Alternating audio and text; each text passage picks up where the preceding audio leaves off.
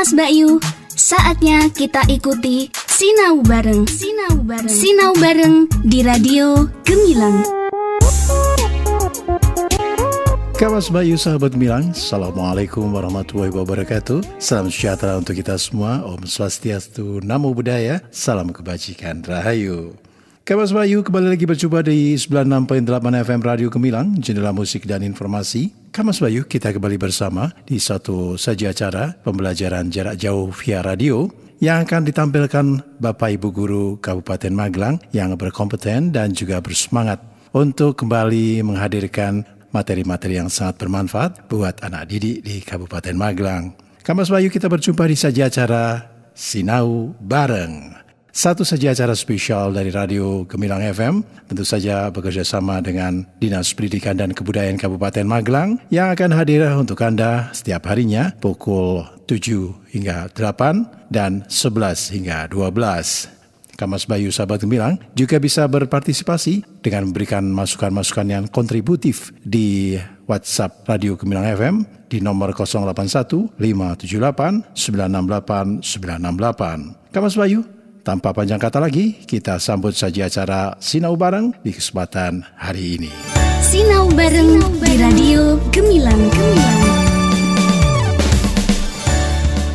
Assalamualaikum warahmatullahi wabarakatuh. Selamat pagi anak-anak hebat. Bagaimana kabar anak-anak hari ini? Sehat-sehat ya pastinya. Alhamdulillah kita bertemu kembali dalam program pemerintah Kabupaten Magelang Sinau Bareng Gemilang FM 96.8 Jendela Musik dan Informasi. Hari ini Bu Ika dari SD Negeri Keragilan Kecamatan Pakis ditemani oleh Ibu Fitrian Indah Pratiwi atau biasa dipanggil Buria. Beliau dari SD Negeri Menayu 1 Kecamatan Mundilan. Selamat pagi Buria.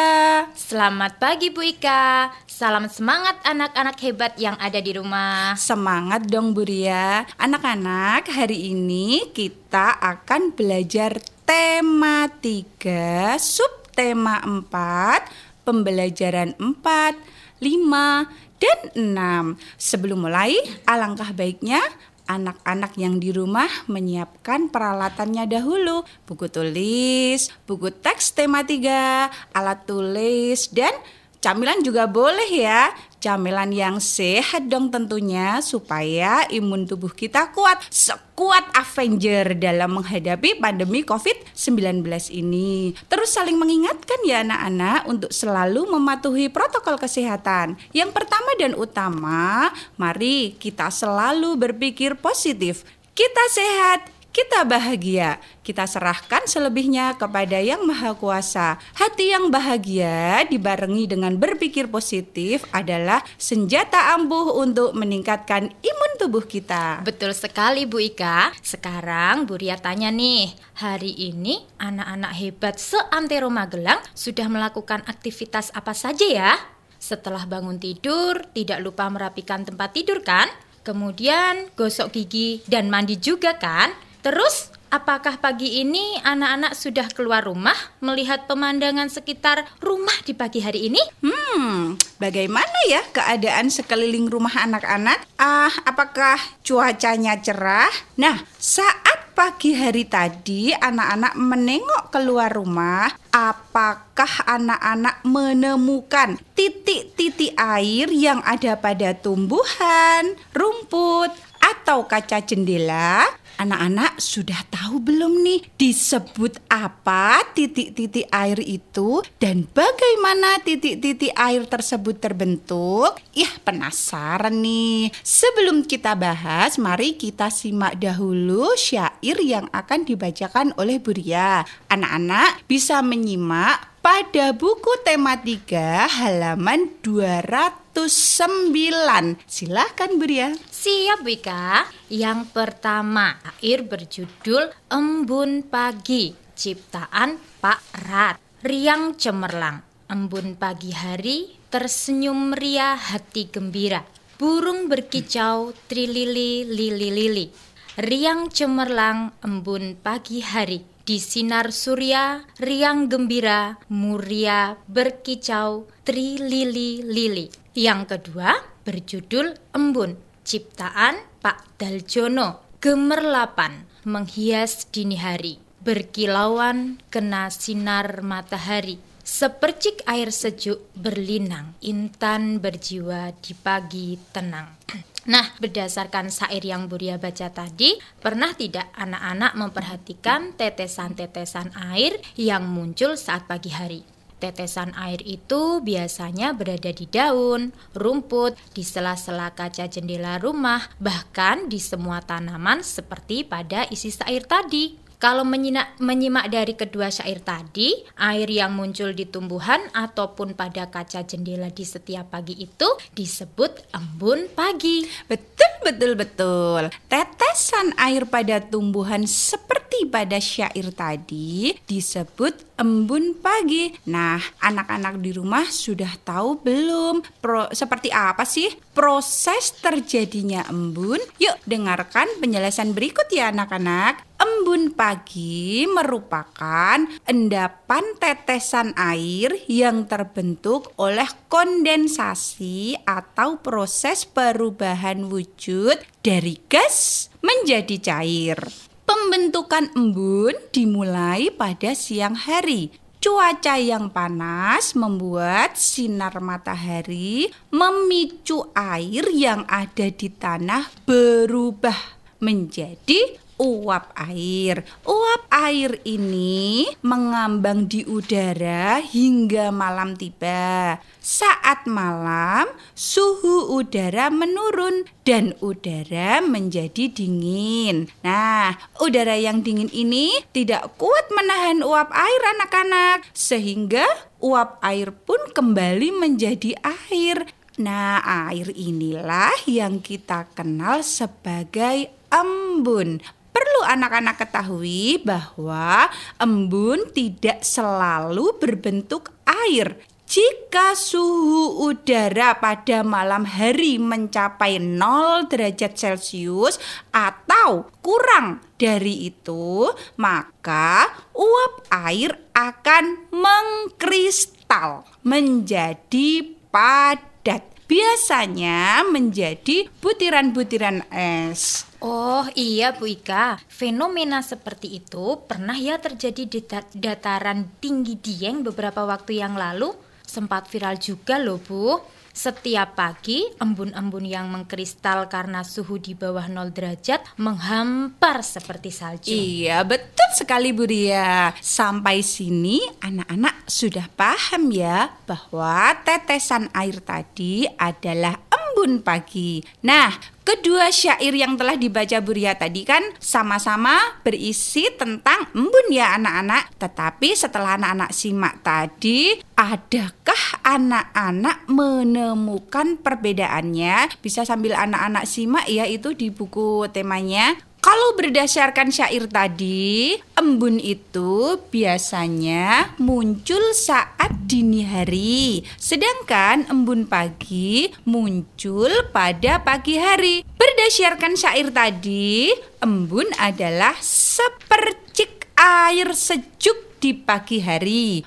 Manfaatnya, kalau menurut syair tadi ya anak-anak, menghiasi pagi dengan gemerlap kilau air yang terkena sinar matahari. Embun pagi ini hanya muncul pada pagi hari saja loh anak-anak. Oh, sepertinya pas nih di saat anak-anak berangkat ke sekolah sebelum pandemi COVID-19 ini. Eh, sebentar Bu Ika. Coba sekarang Bu Ria tanya nih. Kemarin-kemarin saat anak-anak berangkat sekolah setiap paginya, anak-anak tiba di sekolah pukul berapa sih? Apakah anak-anak yang pertama sampai di sekolah? Hmm, biasanya sih sudah ada penjaga sekolah yang sedang menyapu halaman sekolah kan ya? Sudahkah anak-anak tahu bahwa sebenarnya menjaga kebersihan sekolah itu bukan hanya tugas penjaga sekolah saja, tetapi seluruh warga sekolah juga bertanggung jawab dari guru, siswa, penjaga sekolah, penjaga kantin, semua bertanggung jawab. Betul sekali Bu Ria. Di kelas, anak-anak juga ada regu piket kan? Coba Bu Ika tanya, ah anak-anak piketnya pas hari apa? Bertanggung jawab dong dengan tugasnya. Bersatu kita menjaga kebersihan lingkungan sekolah. Ah, Anak-anak perlu diketahui bahwa melaksanakan piket bersama itu merupakan contoh sikap bersatu di lingkungan sekolah. Uh, Bu Ika sebutkan lagi ya contoh lain dari menunjukkan sikap bersatu di sekolah. Ada coba yang pernah anak-anak lakukan. Yang pertama, gotong royong membersihkan lingkungan sekolah. Biasanya tiap hari Jumat ya ada program Jumat bersih. Kemudian berdiskusi kelompok menjenguk teman sekolah yang sedang sakit. Ada lagi tidak saling bermusuhan dengan teman-teman. Aduh, pasti jadi kangen sekali ya saat bersekolah bersama teman-teman. Apalagi pernah kan suatu saat anak-anak pulang sekolah pas hujan turun. Kemudian Bu Ika yakin nih anak-anak pasti nekat pulang hujan-hujanan ya. Uh asik sekali rasanya. Lah membicarakan tentang hujan, apakah anak-anak sudah tahu mengenai siklus hujan? Mari kita simak penjelasannya. Baik-baik. Nah, siklus hujan atau sering kita dengar dengan nama lain siklus air ya Bu Ika. Nah, baik anak-anak, anak-anak hebat yang di rumah, dengarkan penjelasan ini ya. Proses terjadinya hujan berawal dari sinar matahari yang membawa energi panas menyebabkan adanya proses evaporasi. Dalam proses evaporasi, air yang berada di bumi, ada di laut, danau, sungai, serta bagian air darat lain lainnya menguap karena panas matahari, lalu menghasilkan uap-uap air. Kemudian uap-uap air ini terangkat ke udara dan mengalami proses kondensasi. Dalam proses kondensasi, uap-uap air ini berubah menjadi embun yang diakibatkan oleh suhu di sekitar uap air lebih rendah daripada titik embun tersebut. Suhu udara yang semakin tinggi membuat titik-titik dari embun semakin banyak dan memadat lalu membentuk menjadi awan. Nah, adanya perbedaan tekanan udara di langit menyebabkan pergerakan udara atau biasa yang kita kenal dengan angin ya anak-anak. Nah, angin ini menggerakkan awan yang kecil-kecil itu yang membawa butir-butir air tadi menuju tempat dengan suhu yang lebih rendah. Dilanjutkan lagi, awan-awan yang terkumpul bergabung menjadi awan besar yang berwarna kelabu atau proses ini sering disebut koalensi. Nah, sekarang anak-anak nggak heran kan kenapa kalau mau hujan banyak angin dan langitnya penuh dengan awan hitam atau mendung. Terus, butir-butir air yang ada di langit bagaimana bisa jatuh ya? Sinau bareng di radio Gemilang Gemilang. Jawabannya ada dua nih anak-anak. Yang pertama, karena kondisi awan sudah jenuh atau dengan kata lain sudah tidak sanggup menampung air, la air lagi. Yang kedua adalah karena butir-butir air tertarik oleh adanya gaya gravitasi. Oleh karena itu, butir-butir air jatuh menjadi hujan. Ketika air hujan mulai jatuh ke daratan, tidak semua airnya jatuh sampai ke permukaan loh. Ternyata ada sebagian air air yang menguap kembali ke atas menuju awan. Kenapa bisa begitu ya? Karena air menembus lapisan atmosfer yang lebih hangat di bawahnya. Maka ada beberapa butir air yang menguap. Selama air membuat kondisi awan jenuh, maka hujan akan terus berlangsung. Begitu anak-anak. Waduh, rumit sekali ya anak-anak. Sudah dicatat dong. Pi, singkatnya seperti ini. Siklus air itu dari air yang ada di daratan menguap naik karena panas sinar matahari. Sampai atas nih anak-anak jadi awan awan tertiup angin bertemu dengan teman-teman awan yang lain nih.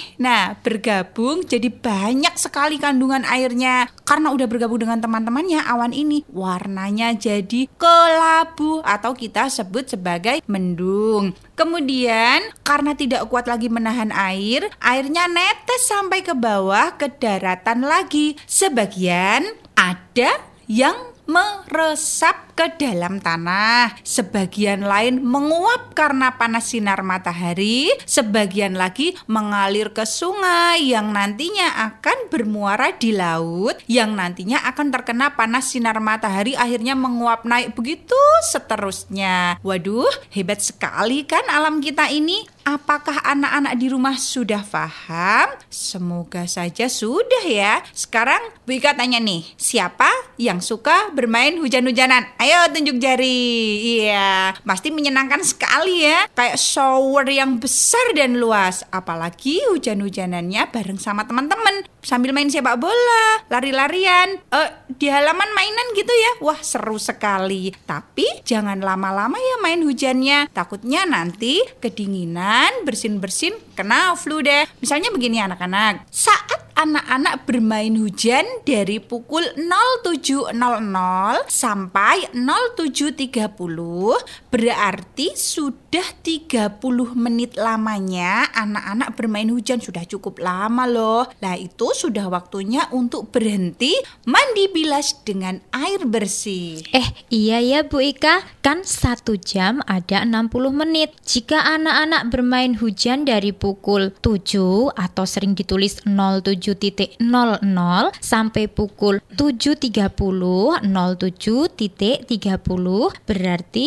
lama anak-anak bermain hujan adalah 30 menit. Hmm, kalau hujan turun dari pukul 7 lebih 15 sampai pukul 9 lebih 10 menit, kita hitung yuk berapa lama hujannya berlangsung Siap dong Bu Ria. Bu Ika ulangi lagi anak-anak. Jika hujan berlangsung dari pukul 07.15 sampai pukul 9.10 anak-anak bisa sambil coret-coret ya. Ambil buku sama pensilnya. Bu Ika ulangi lagi. Dari pukul 07.15 atau 7 lebih 15 menit sampai pukul 09.10 atau 9 lebih 10 menit. Berapa lama ya hujannya? Mari kita hitung sama-sama. Kita telaah dulu dari satu persatu. Dari pukul 07.15 sampai pukul 08.00 berarti sudah 45 menit hujan berlangsung dan belum reda. Ditambah lagi dari pukul 8 sampai pukul 9 lamanya 60 menit atau 1 jam. Dari pukul 9 sampai pukul 9 lebih 10 menit adalah 10 menit. Jadi yang pertama tadi 45 menit ditambah dengan 60 menit ditambah 10 menit maka hujan berlangsung selama 115 menit. Lah, 115 menit itu sama dengan 60 menit dan 55 menit. Bu Ika ulangi lagi ya. 115 menit itu sama dengan 60 menit dan 55 menit. Itu sama artinya dengan 1 jam lebih 55 menit. Jadi hujannya berlangsung selama satu jam lebih berapa anak-anak? Iya betul 55 menit. Sampai sini paham ya anak-anak? Paham dong Bu Ika? Sehabis hujan-hujanan pasti terasa dingin sekali. Sedingin es krim yang pernah anak-anak makan dan anak-anak buat di rumah. Proses pembuatan es krim ada uh, terdiri dari susu bahannya ya. Kemudian ada bahan-bahan lain yang dibekukan pada lemari pendingin bersuhu di bawah 0 derajat dalam waktu tertentu sehingga berubah menjadi es yang keras. Proses ini disebut membeku. Sebenarnya anak-anak pernah ya Bu Ika belajar Iya. tentang membeku ini nggih dan e, mempraktekkan langsung kalau Iya. anak-anak ada bahan-bahannya di rumah. Sedangkan proses es yang berubah menjadi air disebut mencair. Pada sesi yang lalu kita sudah membahas tentang perubahan wujud benda ini ya. Untuk mengingatnya kembali, silahkan anak-anak simak penjelasan berikut dari Bu. Siap ya. Masih semangat dong anak-anak hebat? Semangat pastinya. Sebelum Bu Ika menjelaskan, nanti penjelasannya bisa sambil dicatat. Anak-anak siapkan dulu ya buku sama ballpointnya. Perubahan wujud benda itu ada enam anak-anak. Yang pertama ada mencair, yaitu peristiwa perubahan wujud zat dari padat menjadi cair. Dalam peristiwa mencair ini memerlukan energi panas. Nah, contoh peristiwa mencair tadi kan ada es krim yang mencair ya. Kemudian ada lagi yang lain, misalnya lilin saat dipanaskan, mentega yang dipanaskan di wajan. Kemudian yang kedua ada membeku yaitu peristiwa perubahan wujud dari cair menjadi padat. Dalam peristiwa ini, zat melepaskan energi panas. Contoh peristiwa membeku yaitu iya seperti yang pernah anak-anak buat kemarin ya waktu pembelajarannya Buria membuat es krim yang dimasukkan ke dalam freezer maka menjadi keras. Kemudian ada lagi contoh lain, misalnya lilin cair yang dibiarkan dingin. Nah, itu akan membeku kembali. Peristiwa perubahan wujud yang ketiga, catat ya anak-anak, ada menguap, yaitu peristiwa perubahan wujud dari cair menjadi gas. Contohnya, air yang direbus jika dibiarkan lama-kelamaan akan habis. Ada lagi nih contohnya lain. Pakaian basah yang dijemur di bawah sinar matahari beberapa waktu lalu kemudian menjadi kering kan? Ada lagi nih contohnya alkohol pada hand sanitizer yang diteteskan di tangan anak-anak. Gimana rasanya? Pasti terasa dingin ya. Nah, itu menandakan hand sanitizer itu sudah menguap. Lanjut. Yang keempat ada mengembun yaitu peristiwa perubahan wujud dari gas menjadi cair. Contohnya apa coba?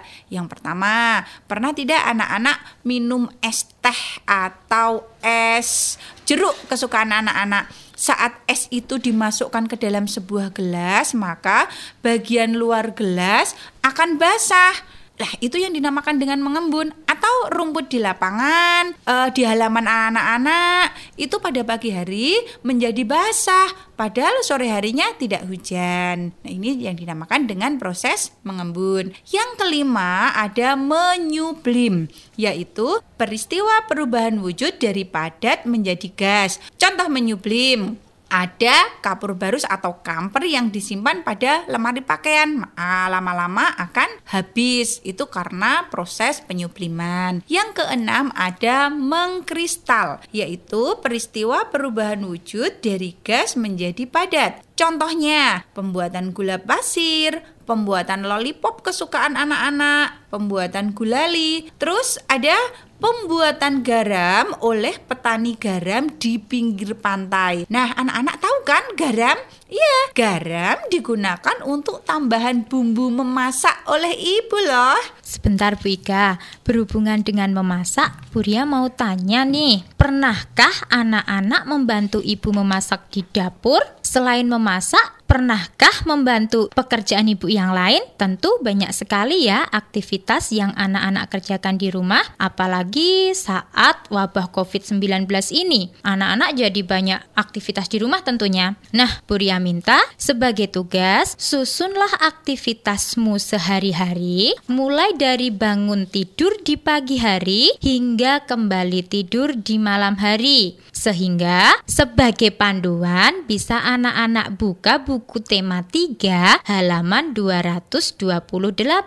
Di sana terdapat kolom waktu, jenis kegiatan, dan lama kegiatan yang dilakukan anak-anak. Nanti tugas ini dapat anak-anak kumpulkan kepada Bapak Ibu guru yang ada di sekolah ya untuk dimintakan bintang atau nilai tentunya? Pastinya dong Bu Ria. Nah, sudah terbantu kan anak-anak dengan penjelasan Bu Ika dan Bu Ria tadi? Sebagai tugas kedua, anak-anak di rumah menggambar proses terjadinya hujan berdasarkan penjelasan tadi. Sebagai panduan, anak-anak dapat membuka buku paket tema 3 halaman 218. Yang bagus ya menggambarnya. Jangan lupa berilah keterangan bagaimana proses terjadinya hujan dengan kalimat anak-anak sendiri. Alhamdulillah ya. Iya, alhamdulillah ya Bu Ika. Sudah 30 menit kebersamaan kita dalam program Sinau Bareng di Gemilang FM ini. Semoga ilmu yang kami sampaikan bermanfaat ya anak-anak. Salam hangat, penuh kasih